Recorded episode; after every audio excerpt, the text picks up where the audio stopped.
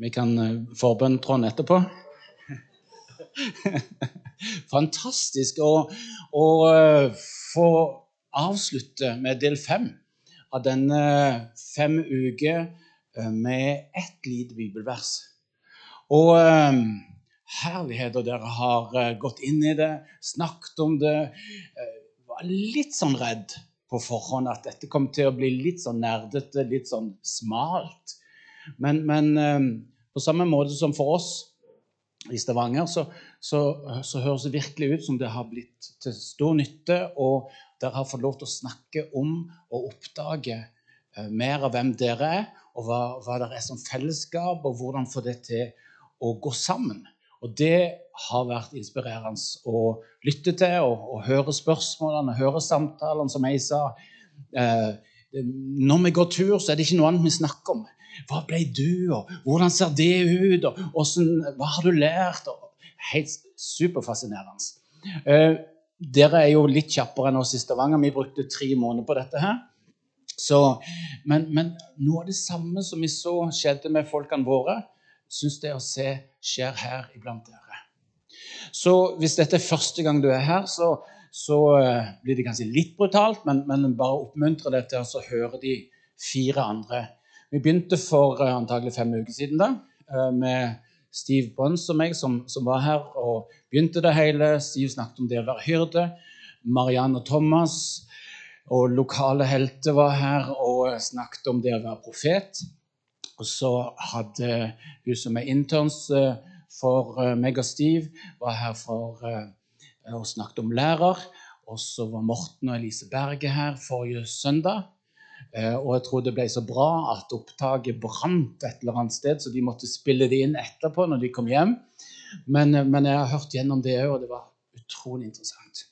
Jeg tror det var enda bedre live, men, men eh, det var veldig bra. Så skal vi lande nå både i den femte typen, som vi ikke har snakket om, som er evangelist.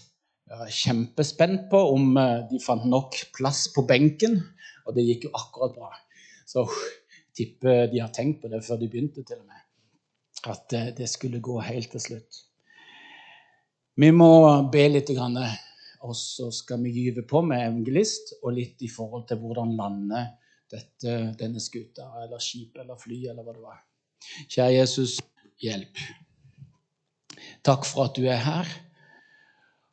Takk for at ditt ord har så utrolig mye skatter og så mye nydelig at vi kan gå dypt inn i ett vers og oppdage så mye flott som er så nyttig for det å være menighet.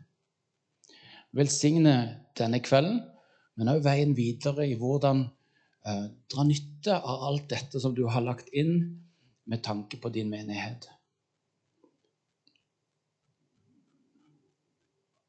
Amen. Jeg må jo si det er litt eh, stas at Kjetil kommer neste søndag og lørdag òg. Altså. Det vi er jo veldig takknemlige til dette hus. Jeg tror Kjetil vil si det samme. Hvordan vi har fått gå 1319 her og gå opp og ned trappa her og fått høre forkynnelse fått bli disipler og, og, og, virkelig få lov til å vokse. Så uh, en enorm takknemlighet til dette hus, uh, som jeg tipper Kjetil kommer til å sette ord på når uh, julemessa braker i gang til neste helg. Evangelist. Og det er mulig at flere av dere har mye mer evangelist i dere enn dere i utgangspunktet trodde. Det er kanskje de fleste som er her, tenker fillen, altså, det hadde jeg ikke sett komme. Det var strek i regninga for du som har tatt test, at oi, evangelist kom såpass høyt. Hm, hva betyr det? Um, stereotypene av en evangelist er dette her med at han går fra dør til dør, han stopper folk på gata, rastløs på vei videre. Og alt det der fins i, i, det å være en sånn evangelist-type. Eh, jeg minner om at disse fem tingene er ikke verken posisjon eller titler, men, men, det er mer noen ulike stemmer som skal få lyde inn i menigheten. Ulike typer som vi preges mer eller mindre av. Og, og det er noe av stereotypen som mange vil tenke på når de hører evangelist. Og alt det er for så vidt sant. Men uh, bildet er mye mer nyansert. Evangelistene er selgeren. De er altså ikke så vanskelig å oppdage i næringslivet og i politikken. De er flinke til å gi deg grunner til at deres produkt må vurderes nøye. De gjør folk oppmerksom på at de egentlig trenger dette produktet. Egentlig så, så, så klarer du det ikke uten akkurat dette. Selger de husalarm, så kommer de etter at det er blitt mørkt. Plutselig så ringer det på, eh, og de forteller deg hvor farlig nabolaget ditt er blitt i det siste, og hmm, tilbyr løsninger. Eller de utnytter at en katastrofe har gjort noe med hjertet ditt, og du sitter plutselig igjen med et fadderbarn i et land du nesten ikke visste fantes.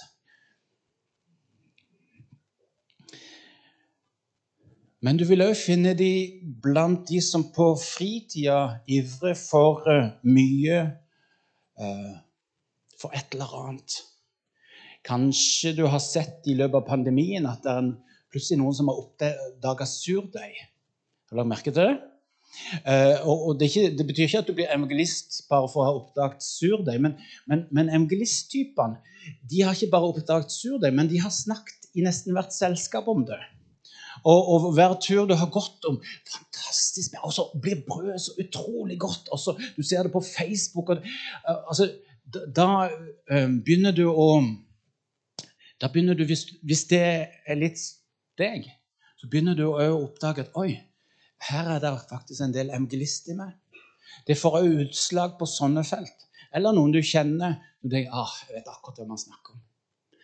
Um, som uh, som har ganske mye evangelist i seg. Eh, og, det kommer til syne òg på sånne måter. Eller det er noe sånn helt nytt garn som bare alle bør ha. Som, som er liksom, Det er helt genialt. Det, det, blir så fast og bra og alt det der, og så bare Oi! Alle vet om det. At du har oppdaget det, eller at den personen har oppdaget det. Og, og da er det eh, et tegn på at her er det noe sånn eh, evangelist eh, som ligger og lurer i kulissa. Flere av dere smiler og tenker åh, det gir absolutt mening på hun, kona mi eller uh, hun på jobb eller et eller annet. Nydelig. Det, det er rett og slett bare positivt. Um, I menigheten så er evangelisten enormt viktig for fremdrift og vekst. Der hvor det er menigheter uten evangelisttyper, uh, så er det påtagelig mye mindre fremdrift og vekst. Når eh, rastløsheten som en evangelist ofte har i seg, er blitt moden, så kan evangelisten hjelpe menigheten til å aldri bli værende i det bestående. Det er fantastisk at dere i min kirke er 1200 medlemmer, kan folk si. Mitt svar er at vi burde egentlig vært 10 000. Vi er alltid videre. Vil alltid videre. Og det er 250 000 mennesker i i nærområdet til Imi kirke, så 1200 det er ikke veldig mye.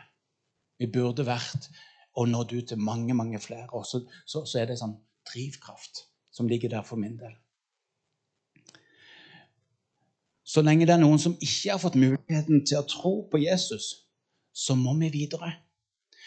Det er mange varianter av evangelist. Til og med introverte evangelister fins.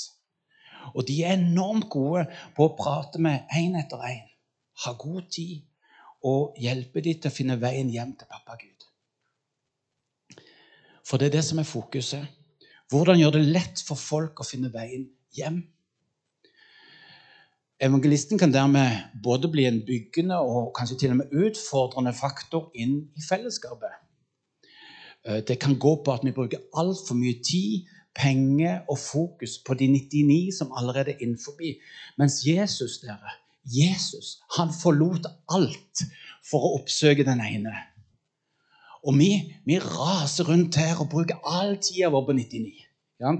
Da, da, har du den utfordrende utgaven av det. Den positive eller mer positive, byggende utgaven vil være at hvordan kan vi både ta godt vare på de 99, men sikre oss at den siste ene òg får lov til å komme til å tro på Jesus? Hvordan kan vi gjøre det mulig for enda flere å bli en del av kristen tro og av fellesskap? Det kan være sterke meninger f.eks. om hva som gjør det vanskelig for den som ennå ikke er kristen, når han kommer på gudstjeneste eller i husgruppa. Eller positivt sett så vil evangelisten kunne bidra til at det er lett å komme inn her. Hvis den er ny i, i Nordkirken Mandal, så er det åh, Denne trappa opp her, den er jo ganske lang for en som er ny. Hvis du aldri har vært der, så er det inn her Nei, nei, det var toalettet. Kanskje det er opp denne trappa. Altså, um, en evangelist vil tenke oi, det er ganske langt opp. Åssen skal vi gjøre det lett for de som er helt nye, til å finne veien opp? Og jeg tror dere har folk her på huset som er prega ikke bare av det å ville gjøre det fint, men å ville gjøre det lett for folk å være nye. Eh, altså, jeg syns jo det må være den nydeligste trappa som fins i verden. Når du stopper og ser på de plakatene, de fokusene, de Oi, her er det noe som jeg har lyst til å være en del av. Eh, evangelisten vil kunne ofte være en del av velkomstteamet. Kanskje sitte bak for å Hvis det kommer noen nye etterpå vi har begynt, så, så vil i hvert fall jeg smile. Jeg vil i hvert fall se, og jeg vil sikre meg at jeg får snakket med han eller hun hvis han går hjem en gang. Jeg vil være sikker på at jeg får invitert hjem på middag de som er nye. Sånn kan evangelisten bidra inn i fellesskapet til at det blir lett å være ny. Eh, vi har hatt 200 nye på middag hos oss i løpet av tre år. Hvor alle som var nye, kunne registrere seg på et sted. Eh, og så ringte vi de opp og sa eh, på fredag nå så skal vi ha middag. Det kommer en ti-tolv andre. Har du lyst til å komme? Så, så kom det så mange etter hvert som fikk et første møte med menigheten og, og, gjorde det lettere for folk å bli. Ikke alle ble, for det var for forskjellige grunner til at en stakk innom, men det gjorde det lettere. Så, sånn kan evangelisten være med og bidra til at det er lettere å være ny i, i menigheten. Så både måte for Guds folk å nå ut på, og måte for å gjøre det lett for nye å komme inn. I tillegg så vil evangelisten være god på å invitere andre med. Det er òg et aspekt av dette med å, å, gjøre det lett å bli med. Vil, vil, ja, men skal ikke du bare være med? Jeg leder Nordkirken Sandnes eh, i, i, noen år, eh, litt tid tilbake. og hadde vært misjonær i Paris, på østkanten. 15 forskjellige nasjonaliteter. Det var liv og røre. Og så tok jeg over en menighet som satt akkurat så stille som der gjør nå. Og det var i den overgangen det var utrolig krevende. Så jeg trodde jo folk var døde. Og så plutselig var det noen som rørte på seg. Oi, oi, her var det, og det er liv her! Plutselig. Eh, og så, Jeg begynte til og med å bli sarkastisk. Eh, eh, og, så, og så Gud måtte trekke meg til side og si du hør, Tenker du at alle disse her skal tilpasse seg din kultur? Eller er det du som igjen må tilpasse deg en ny kultur? Svaret var dessverre altfor åpenbart. Men så tenkte jeg nei, fillen, nå skal vi se om vi, hva vi kan gjøre med det. Så jeg gikk ut i Sandnes sentrum, så stoppet alle afrikanere. For det sånn hudfargemessig var det enkleste. Så jeg sa er du muslim eller kristen? Ja, jeg var kristen. Ja, Går du i en menighet? Nei, sa han. Da må du komme og hjelpe meg. Så løpet av tre måneder så begynte det 26 personer fra afrikanske land i menigheten. Og liv kom tilbake, og, og, og folk begynte å hilse på hverandre. Det var, det var, i det hele tatt det var helt nydelig. Eh, så det var først 1-0 til Gud, og så var det 1-1. Eh, og så, så, tror jeg det handler om invitasjon. Den enkle invitasjonen var Kom, jeg trenger hjelp eh, noe som var helt reelt. Og jeg tror vi alle har lyst til å være til nytte, til å være med på noe meningsfullt. Så evangelisten eh, kan òg bruke evangelistgenet sitt med bare å invitere og si Kom, kom over til oss og hjelp oss. Vi trenger deg, for vi bygger en menighet som skal være for alle generasjoner, for alle nasjoner. Eh, kom og hjelp. Um, jeg, for min del, En del av dere har tatt testen og begynt å få en sånn femmerliste etter hvert. Mange av dere har hørt de fire andre undervisningene og har kryssa ut noe og tenkt at det er i hvert fall ikke takk Gud for det. Og andre ting det er nok en del mer av. Og, og, på mange måter så begynner det kanskje å danne der en, en idé om en sånn femmerliste av noe som det er mer av, og noe som det er lite og noe som midt på der, sånn cirka. Um, og uh, jeg er uh, evangelisttype og apostel øverst på min liste. Uh, det fins òg evangelisthyrde, som er kanskje det store spennet her. Et av de store spennene, sånn som f.eks. Irene Cave, som, som, en del av dere vil kjenne, er evangelisthyrde. Og det gir et helt annet bilde av, av hvordan dette ser ut. Og en idé som det var Hans Arthur som sa var om vi eh, litt framover eh, litt forskjellige folk til å sitte i sofaen her. Kanskje ulike former for f.eks. For profet eller evangelist, eller, uh, som kan gi litt ulike bilder av hvordan dette ser ut. Så det kan jo være noe av det som ligger foran dere, å synliggjøre at en, en lærertype er ikke likt som alle andre lærertyper, men det er ulike varianter. Men jeg er i hvert fall evangelist-apostel, sånn høyt oppe på, på lista. Uh, og variantene er altså mange flere enn disse her stereotypene som vi begynte med. Og um, flere av dere har fått evangelist høyere på lista enn du trodde før du tok testen, og før vi begynte denne her fem ukes vandringa. Og det er viktig for menigheten at du finner veier til å leve det ut på. Og det er viktig at menigheten gir rom for den driven som du bærer på, om å se stadig flere si ja til Jesus. For Det er det det egentlig i bånn der handler om, og så får det ulike utslag. Noe i å gjøre det lett å komme, noe i å invitere, noe i å, å nå ut. Forskjellige varianter av det. Nå er det nok ingen her inne som ikke vil at folk skal si ja til Jesus.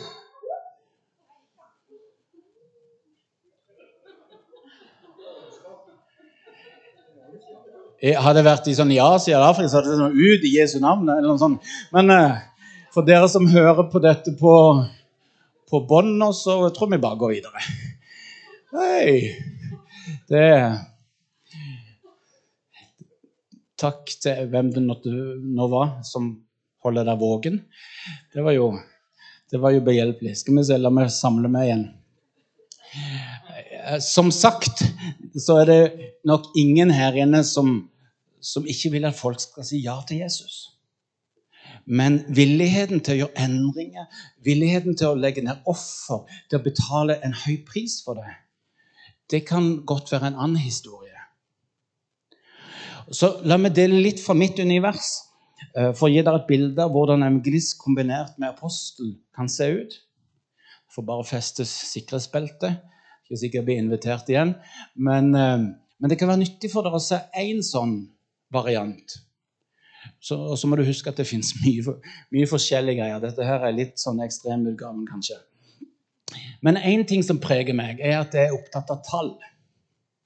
Og, og hyrder og lærere eh, de sier at det ikke er viktig med tall i Guds rike. Det er mye viktigere at folk får gå dypt, og at folk blir disippelgjort, og at det blir skikkelig. Og Hvis jeg kan sette det litt på spissen, bare litt, skal jeg komme tilbake til det, jeg er fullstendig uenig.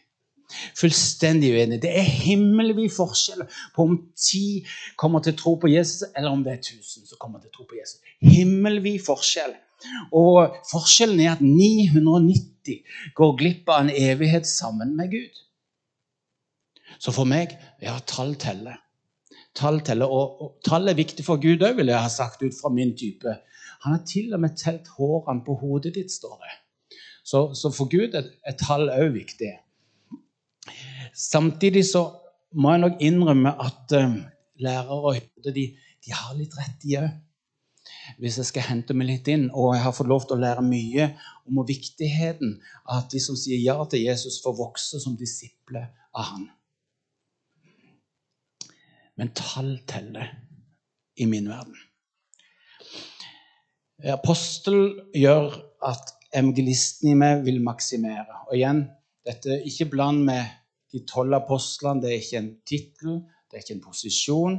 Så spesielt apostel er litt sånn tricky, fordi at det fins tolv apostler i kirka. Eh, og det, det, har ingenting med det å gjøre. Men det er en aposteltype, og det kan ofte oversettes med gründer, f.eks. Bare sånn for å være helt sikker for nye seere, som de sier. Men apostel sammen med evangelist vil f.eks. gjøre at det hele tida vil maksimere ting. Det betyr at det, når jeg ser muligheter for vekst, så vil jeg se hvor langt det er mulig å dra det. Jeg jobber for tida litt med godhet. Eh, og, og, da ble det helt naturlig for meg å sette i gang et nasjonalt forum for godhet. Hvor vi får med menigheter fra hele landet, fra Mandal i sør til Tromsø i nord, og gjerne enda lenger nord.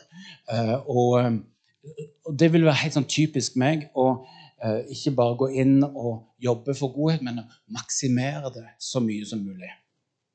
En del av dere vil huske Nikodemus Kro. Da var jeg 18 år og, så, og brukte 10 000 av mine egne penger for å leie et lokale nede på torget her. Uh, og samla ungdommer fra alle byens menigheter for å drive evangeliseringskafé hver kveld i en hel sommermåned. Og så husker jeg at En av pastorene sa at uh, dette er første gang vi sitter sammen fra alle menighetene i byen. Og Jeg husker at jeg tenkte ikke at det var spesielt at en 18-åring hadde dratt det i gang. Jeg var egentlig mer overraska over at ikke de hadde gjort det for lengst sjøl. Eh, dere har hørt noe av det som jeg har bygga opp i Kambodsja for, for Nordmisjon. Eh, og på ti år så er det bygga fra null til 2500 ledere på lederseminar som kommer inn hver sjette måned. Vi har fått sende ut 120 evangelister. 5 000-10 000 ungdommer lytter til Impuls sine online-sendinger. Jeg har med egne øyne fått sett over 15 000 si ja til Jesus og bli med i disippelgjørende grupper de siste ti årene. Uh, og så videre og så videre. Og, uh, og poenget er ikke selvskryt i det hele tatt. Uh, for når jeg ser tilbake på de såkalte store seirene, så er det veldig mye Gud og Hans nåde og veldig lite Terje Høiland. Veldig lite. Det gir lave skuldre, og det gir tro for min del til å våge enda mer. Men det handler mye om å bruke det Gud har gitt, og at det får rom til å, til å egentlig bare maksimere så mye som mulig.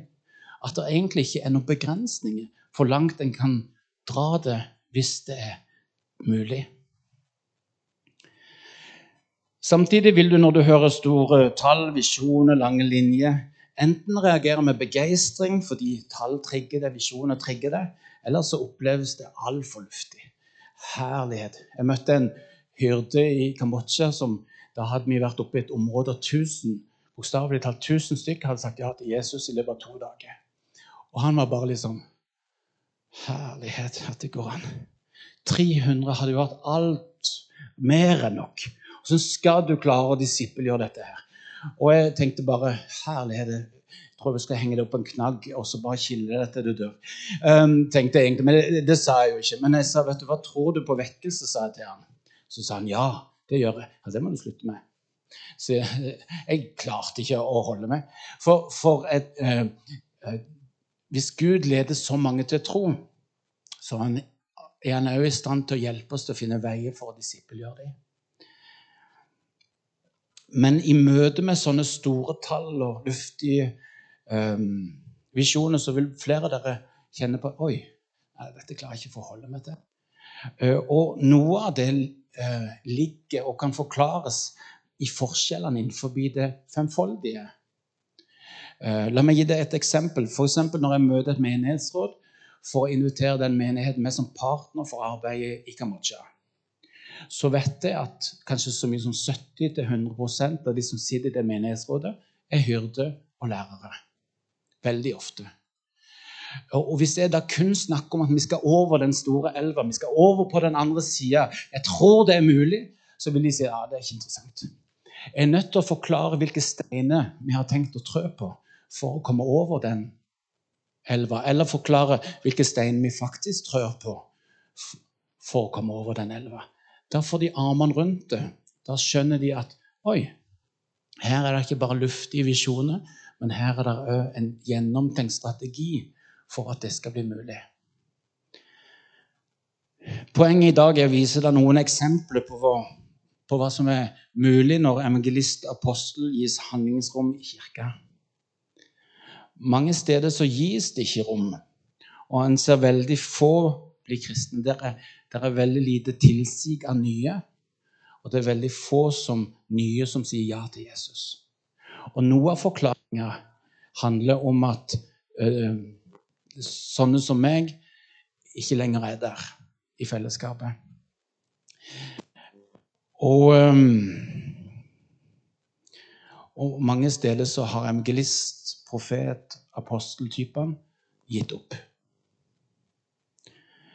For du skjønner, det, er ubehagelig å være den som lager problemet. Skape støy, utfordre det bestående. Nesten med en gang jeg begynner å pushe litt, og jeg lover det, det er bare litt, så kjenner hyrde- og lærertypene det i magen. Og det blir ubehagelig. Og det er viktig at evangelister og apostler får hjelp til å bli kloke og modne i dette. Problemet er at en sjelden får tid nok til å prøve og feile før en er begrensa eller uønska. Det er ikke alltid det sies så veldig tydelig, men, men det er hele tida bare nei. nei det, vi skal ikke det. Det, det ville jo knekt hele gjengen. Det, nei, det har vi prøvd før. Um, det er litt sånn begrensa i hvor mange år du blir når alle disse mulighetene som var der for å se folk bli frelst, det som menigheten vokser, det å få en innflytelse og bygge samfunn, det å stå opp for rettferdighet. Um, det er litt sånn begrensa hvor lenge en orker å være i et fellesskap hvor det ikke er mulig å bruke det som Gud har gitt. Men det er veldig ubehagelig å være den som alltid Alltid, alltid, alltid er alltid et dumt ord å bruke, men det er nesten sant òg at alltid den som skaper støy og ubehag, som rokker med det bestående, og som alltid vil videre. Gir det mening?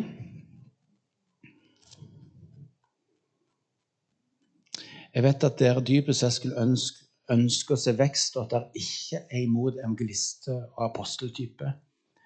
Utfordringen er hvordan dere aktivt kan gi rom for å heie på evangelist, apostel og kanskje profetstemmene sånn at de får en reell mulighet til å bidra.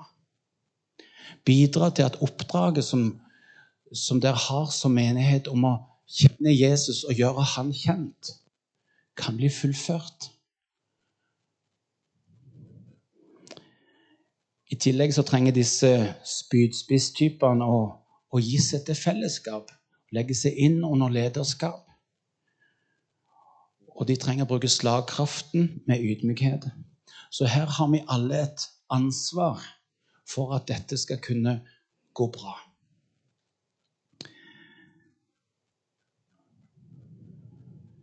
På samme tid så trengs det at de som har mye apostel, evangelist eller profet, i seg, etterjager de andre.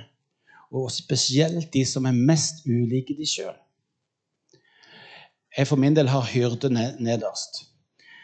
I, eh, fra skapelsen av så er jeg altså lite hyrdete. Amen. Mulig det vil sjokkere deg, det som jeg nå skal si, om mulig du vil bruke det mot meg. Eh, men i utgangspunktet så er mennesket kun viktig for meg så lenge de er en del av prosjektet som jeg leder. Og det gjør vondt for dere som er hyrdelærere. Du kan ikke si sånt. Men, men, for å være helt ærlig, det er utgangspunktet for, for, min type. At folk er viktig så lenge de er en del av prosjektet. Hun som leder språkskolen som jeg har bygd for at nyankomne i landet skal lære seg norsk veldig fort, hun relaterer til så lenge hun leder språkskolen. Men idet hun slutter, så vil jeg i utgangspunktet miste hun av syne. Med mindre jeg har jobbet med noe av det som jeg har lidd av i utgangspunktet. Og det skal jeg komme tilbake til, for det er mulig. Men, men det er der jeg kommer fra. Og, og det tror jeg er litt viktig at en òg sier. Eh, for, for den umoden utgave av apostel og evangelist vil da overkjøre folk veldig fort. Nettopp ut fra at en har veldig lite hyrdete greier i um, bagasjen. Det gir meg ingen unnskyldning for å behandle folk sånn uhyrdete. Eh, men det betyr at veien til å bli stadig mer hyrdete vil kreve strategier og mye innsats. Så for min del er jeg sånn konkurranseinstinkt og jeg elsker å spille bordspill og alt dette her. Så, så for meg, så, for å hjelpe meg til å, å vokse i dette, så lagde jeg meg et spill hvor jeg gir meg sjøl hyrdepoeng. så eksempel når jeg reiser med staben i Kambodsja, og det skjer noe krevende som jeg klarte å håndtere bedre enn en kanskje skulle tro, en litt sånn pushy aposteltype ville gjort, så kunne jeg f.eks. si at Wow, det der var ganske hyrdete, var det ikke det? Og så sier de jo, vet du hva den, den, håndterte du mye bedre enn vi hadde trodd du skulle håndtere. Og så sier ja, ok, hva tenker dere? Um, skal vi si 50 hyrdepoeng? Og så ler vi litt av det. Men, men, det som skjer, er jo at vi får et språk uh, for disse tingene. Og det gir meg litt uh, hjelp til å um, til å ha fokus på det og, og, og gjøre det litt sånn glad og lystig og begynne å ta tak i det som jeg i utgangspunktet har så lite av. Så um, ikke bare ga legen et språk for, for meg og for de, men det hjalp meg òg til å utvikle meg på et område som jeg egentlig ikke er så god på. Og så Hvis jeg f.eks. pusha de litt for mye, og spenningsnivået ble litt for høyt, så kunne de si at å, fillen, der tømte du hele hyrdekontoen din. Det var av det helt tomt. Du brukte opp alt sammen i én smell. Og så lo vi litt av det. Men så kunne vi jo snakke om det og si at åh, fillen, ja, det ser jeg. Der gikk jeg for fort fram og for voldsomt fram. Vet du hva? Og så snakker vi oss gjennom det. Det er ikke sikkert noen av dere andre har tenkt på den muligheten noen gang. Den heter han verden. Men det kan være nyttig for dere å se inn i, fordi dere trenger å finne plass til en sånn greie som dere nå hører om. Uansett hvor fjernt det måtte virke. Um, jeg trenger hyrdestemmene i mitt liv og i min tjeneste. Og når jeg er på mitt beste, så, så sier jeg til hyrdetypene på teamet at hvordan ser dette ut fra hyrdeperspektivet? Hva må vi tenke på fra deres perspektiv? Nå må vi få på bordet alt sånn som dere ser dette. På samme måte så trenger jeg at hyrdene og lærerne setter ord på at de trenger min stemme inn i prosessen. Og trenger å anerkjenne hverandre og være takknemlig for de andre typene. Og i en sånn anerkjennelseskultur så ligger det altså mye hjelp i å hindre at spenning og forskjell blir til destruktivt. Og her holder det ikke bare å tenke bra om hverandre. Her må vi aktivt sette ord på viktigheten, spesielt viktigheten av de som utfordrer oss i teamet. Vet du, Jeg er så takknemlig for at du er på teamet mitt. Det er så utfordrende når du bringer ting inn, for vi er så forskjellige. Men jeg må bare si at jeg er så takknemlig for at du er på teamet mitt. For dette hadde ikke blitt så bra hvis ikke du var der. Sånn må vi fungere sammen. Og vi må ikke bare tenke det, men vi må si det. Og Det samme vil gjelde på teamene på jobben deres, i familien deres. For, for noe av dette vil dere òg kjenne igjen i, eh, mellom ektefeller, med barn osv. Vi trenger altså å sette ord på det, og spesielt der hvor det er stor forskjell. Så må vi bare lære oss det å sette ord på vet du, Jeg er så takknemlig for at du er her. Det er skikkelig utfordrende, men jeg vet at jeg trenger det, og jeg er så glad for at du er på teamet mitt. Når du kjenner det i magen, så tar du ut i uttalt takknemlighet til den som utfordrer med å være seg sjøl. Husk igjen, hvis ytterpunktene ikke har spenning seg imellom, så har minst én av de slutta å være seg sjøl i samspillet. Da mister menigheten mer og mer av sin slagkraft og mulighet til å fullføre Guds oppdrag. Hva gjør det nå som, som temaserien på fem uker om femfoldighet går mot en slutt? På et personlig plan så blir det viktig for deg å finne tjenesteoppgaver, situasjoner hvor, og noe av dette som du har oppdaget at du er, kan finne uttrykk, hvor du kan bruke så mye som mulig av det du har oppdaget, inn i forskjellige oppgaver. Og kanskje så ikke vet jeg, men kanskje vil ledelsen og styret her ta, ta initiativ til en samling hvor det er mulig å få, få, få hjelpe hverandre til Vet du hva, Jeg har oppdaget at det er evangelist og profet. Eh, så kan det være at noen andre skal hjelpe deg til å se men her er det ulike oppgaver som vil passe eh, for deg, hvor du kan bruke mye av dette, hvor du kan, kan vokse inn i dette eh, og få, få, få lære mer om hvordan det kan se ut. Kanskje så er det egentlig bare å spørre noen som du har tillit til, eller andre i ledelsen. Fortell meg litt. Hva, hva muligheter ser du ut fra det som jeg har oppdaget at Gud har gitt meg? Det, det vil være en mulig vandring inn i dette med å hjelpe hverandre til å finne oppgaver hvor du kan få testa ut noe av dette som du nå har fått sett mer av, at du er bærer av. Husk at vi er ikke utlærte. Både i det vi har mye av, og det vi i utgangspunktet har lite av, trenger vi å, å modnes i. Så det er alltid mer å oppdage, det er alltid mer å lære. Man kan bli ganske så god i det man har fått lide, sånn som jeg fortalte om. Og I tillegg så må vi supplere oss sjøl med folk som er sterke på det som en sjøl er lite av. De vil utfylle, men de er jo samtidig en gullgruve av informasjon for deg som vil utvikle det mer på det som de er gode på. Da møtte Steve her for fem uker siden. Han er hyrde. Vi jobber tett sammen. Eh, noe av det vi sier, er at vi har vi har hatt så høyt spenningsnivå at det eneste vi har ikke gjort, er å slåss med nevene. Men det har gått ei kanonkule varmt oss imellom. For vi er så forskjellige og har måttet finne veier på å ikke stoppe å være oss sjøl, men å finne veier til å, å bli eh, kreative sammen og ikke destruktive sammen. Og for meg, som da har lite av hyrde og Stiv har mye av hyrde, så jeg har en gullgruve av informasjon. Jeg kan jo bare kopiere han, jeg kan bare lære fra han, jeg kan jo bare trekke ut. Han har jo alt det der helt naturlig. Det, det som jeg ønsker å bli flinkere i. Og mitt apostelgreier har han veldig lite av. Og har da gått sammen med meg, lært, spurt, kopiert osv. Og, og Steve er jo en av de som jeg tror Han er det mest apostelhyrde noen gang har sett. Det, det er han som har leda uh, dette som har blitt til 20 land gjennom Agenda 1. Hvor han bare fosser på og reiser til land etter land og hjelper kirke til å lykkes med oppdraget. På en utrolig apostelmåte.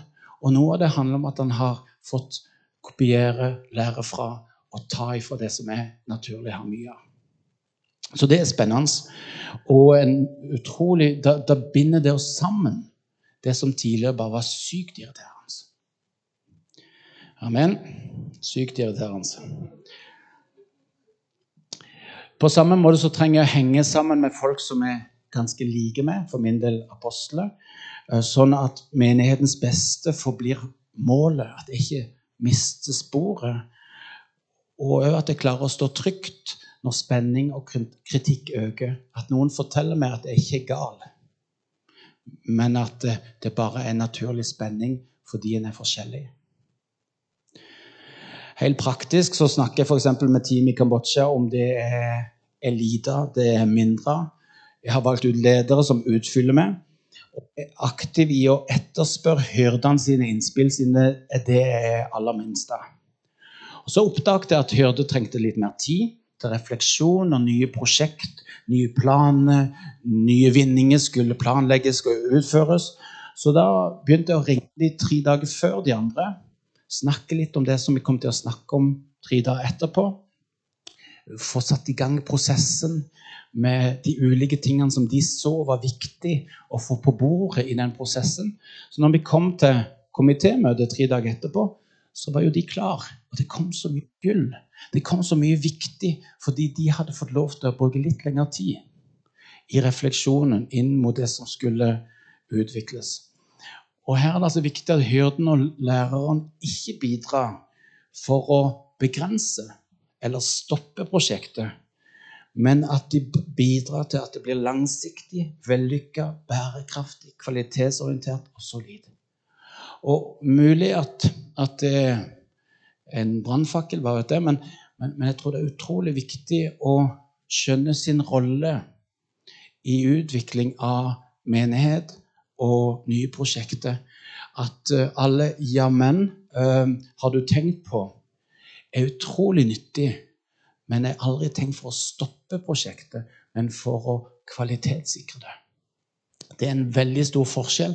Når en får til den dynamikken der, så, så skaper det en, et samspill og en vekst.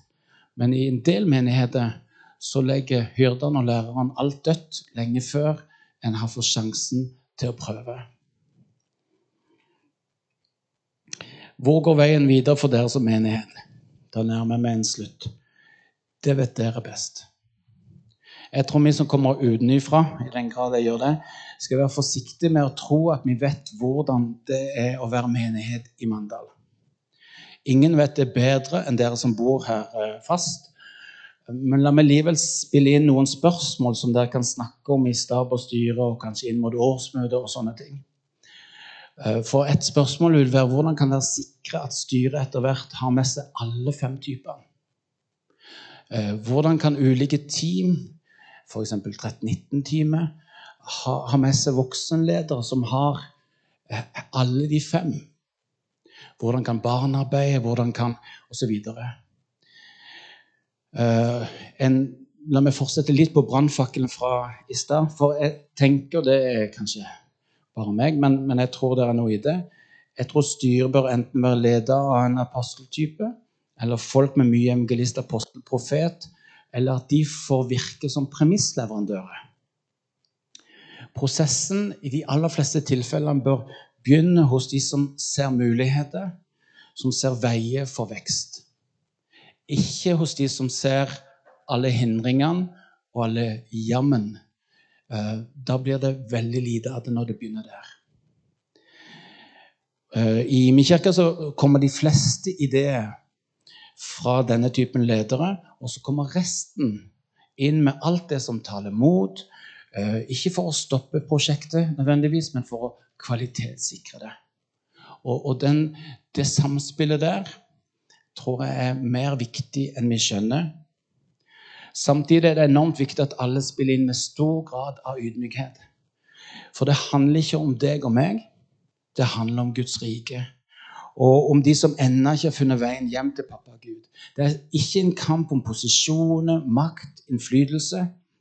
Men vi trengs alle for å bygge menigheten til å bli familie og for å fullføre oppdraget. Skal alltid en apostel for eksempel, foreslå skje? Nei. ikke det litt deilig å høre? Eh, for eksempel, men hvordan vil det forskjell? Eh, mengden motbør gir meg ofte innsikt. Eh, å lytte til, til, alle jammen og motforestillinger og sånn, og, og, graden av det. For det vil alltid være mange sånne ja, men har du tenkt på? Det, det, er helt normalt, og det, det, er utrolig viktig. det kommer, Men mengden vil av og til hjelpe meg i om hmm, dette er nok ikke tida. Her må vi nok ta flere runder. Kanskje vi til og med skal la det være. Profetene blir viktige her i å hjelpe til sånn at vi blir med på det Gud gjør, og ikke det mennesket kan hoste opp av fikse ideer. Det er en ganske stor forskjell, og en del aposteltyper sånn kan bli veldig sånn kreative i ideen. Det er ikke nødvendigvis det som Gud vil ha oss med på.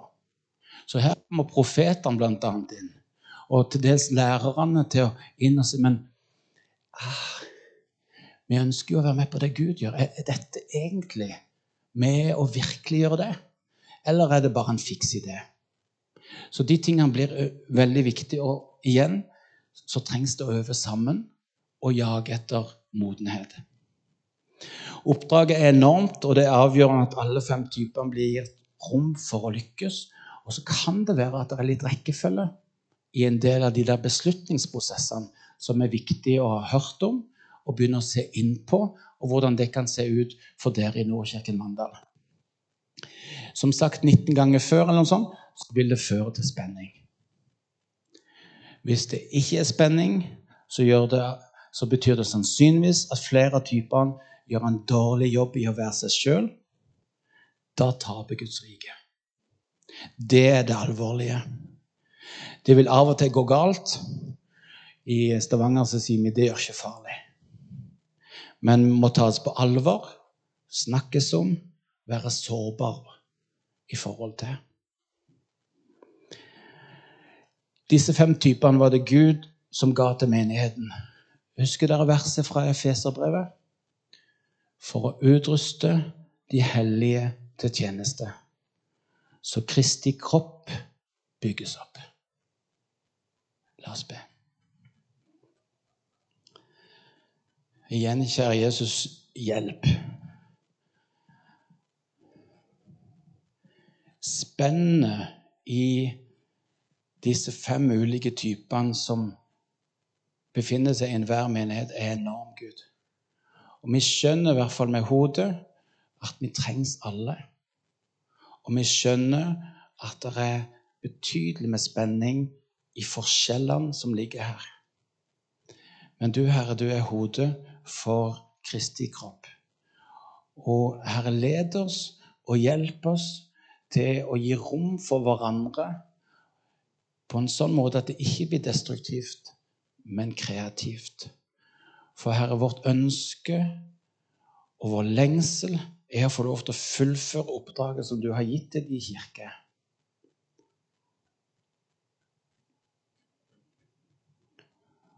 Hjelp oss på veien videre til å finne veier i å være forskjellige, men sammen.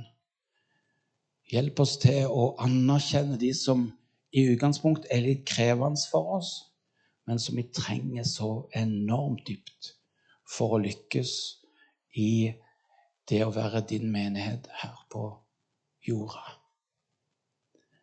Herre, beskytt når spenningsnivået får det til å buldre litt. Og gi oss mot til å være sårbare, til å gjøre feil, til å be om tilgivelse, til å finne veier sammen. Vi ber deg, Herre, for alle de som ennå ikke tror på deg. Så ber vi om at vi må få lov til å bli menighet som er så slagkraftig at Mandal blir forandra. Med evangeliet om du som døde for oss og sto opp. At denne friheten, at denne tilgivelsen, av dette livet som du vil at så mange skal få tak i, at vi som menighet får bli slagkraftige til å nå ut og til å bygge, til å se folk si ja til deg, til å bli disippelgjort, til at menigheten blir en god familie, et godt sted å være, som samtidig trår nye mark, når lenger ut og gir enda flere muligheten til å finne veien hjem til deg, Gud. Vi ber deg, ja, vi roper til deg om hjelp. Fordi er det noe vi ønsker i all vår forskjellighet, så er det å se du bli nær venn av stadig flere i byen. I familien vår, på arbeidsplassen, av kjente og ukjente. Så Herre, vi, vi ber deg om å lede an og vise oss veier.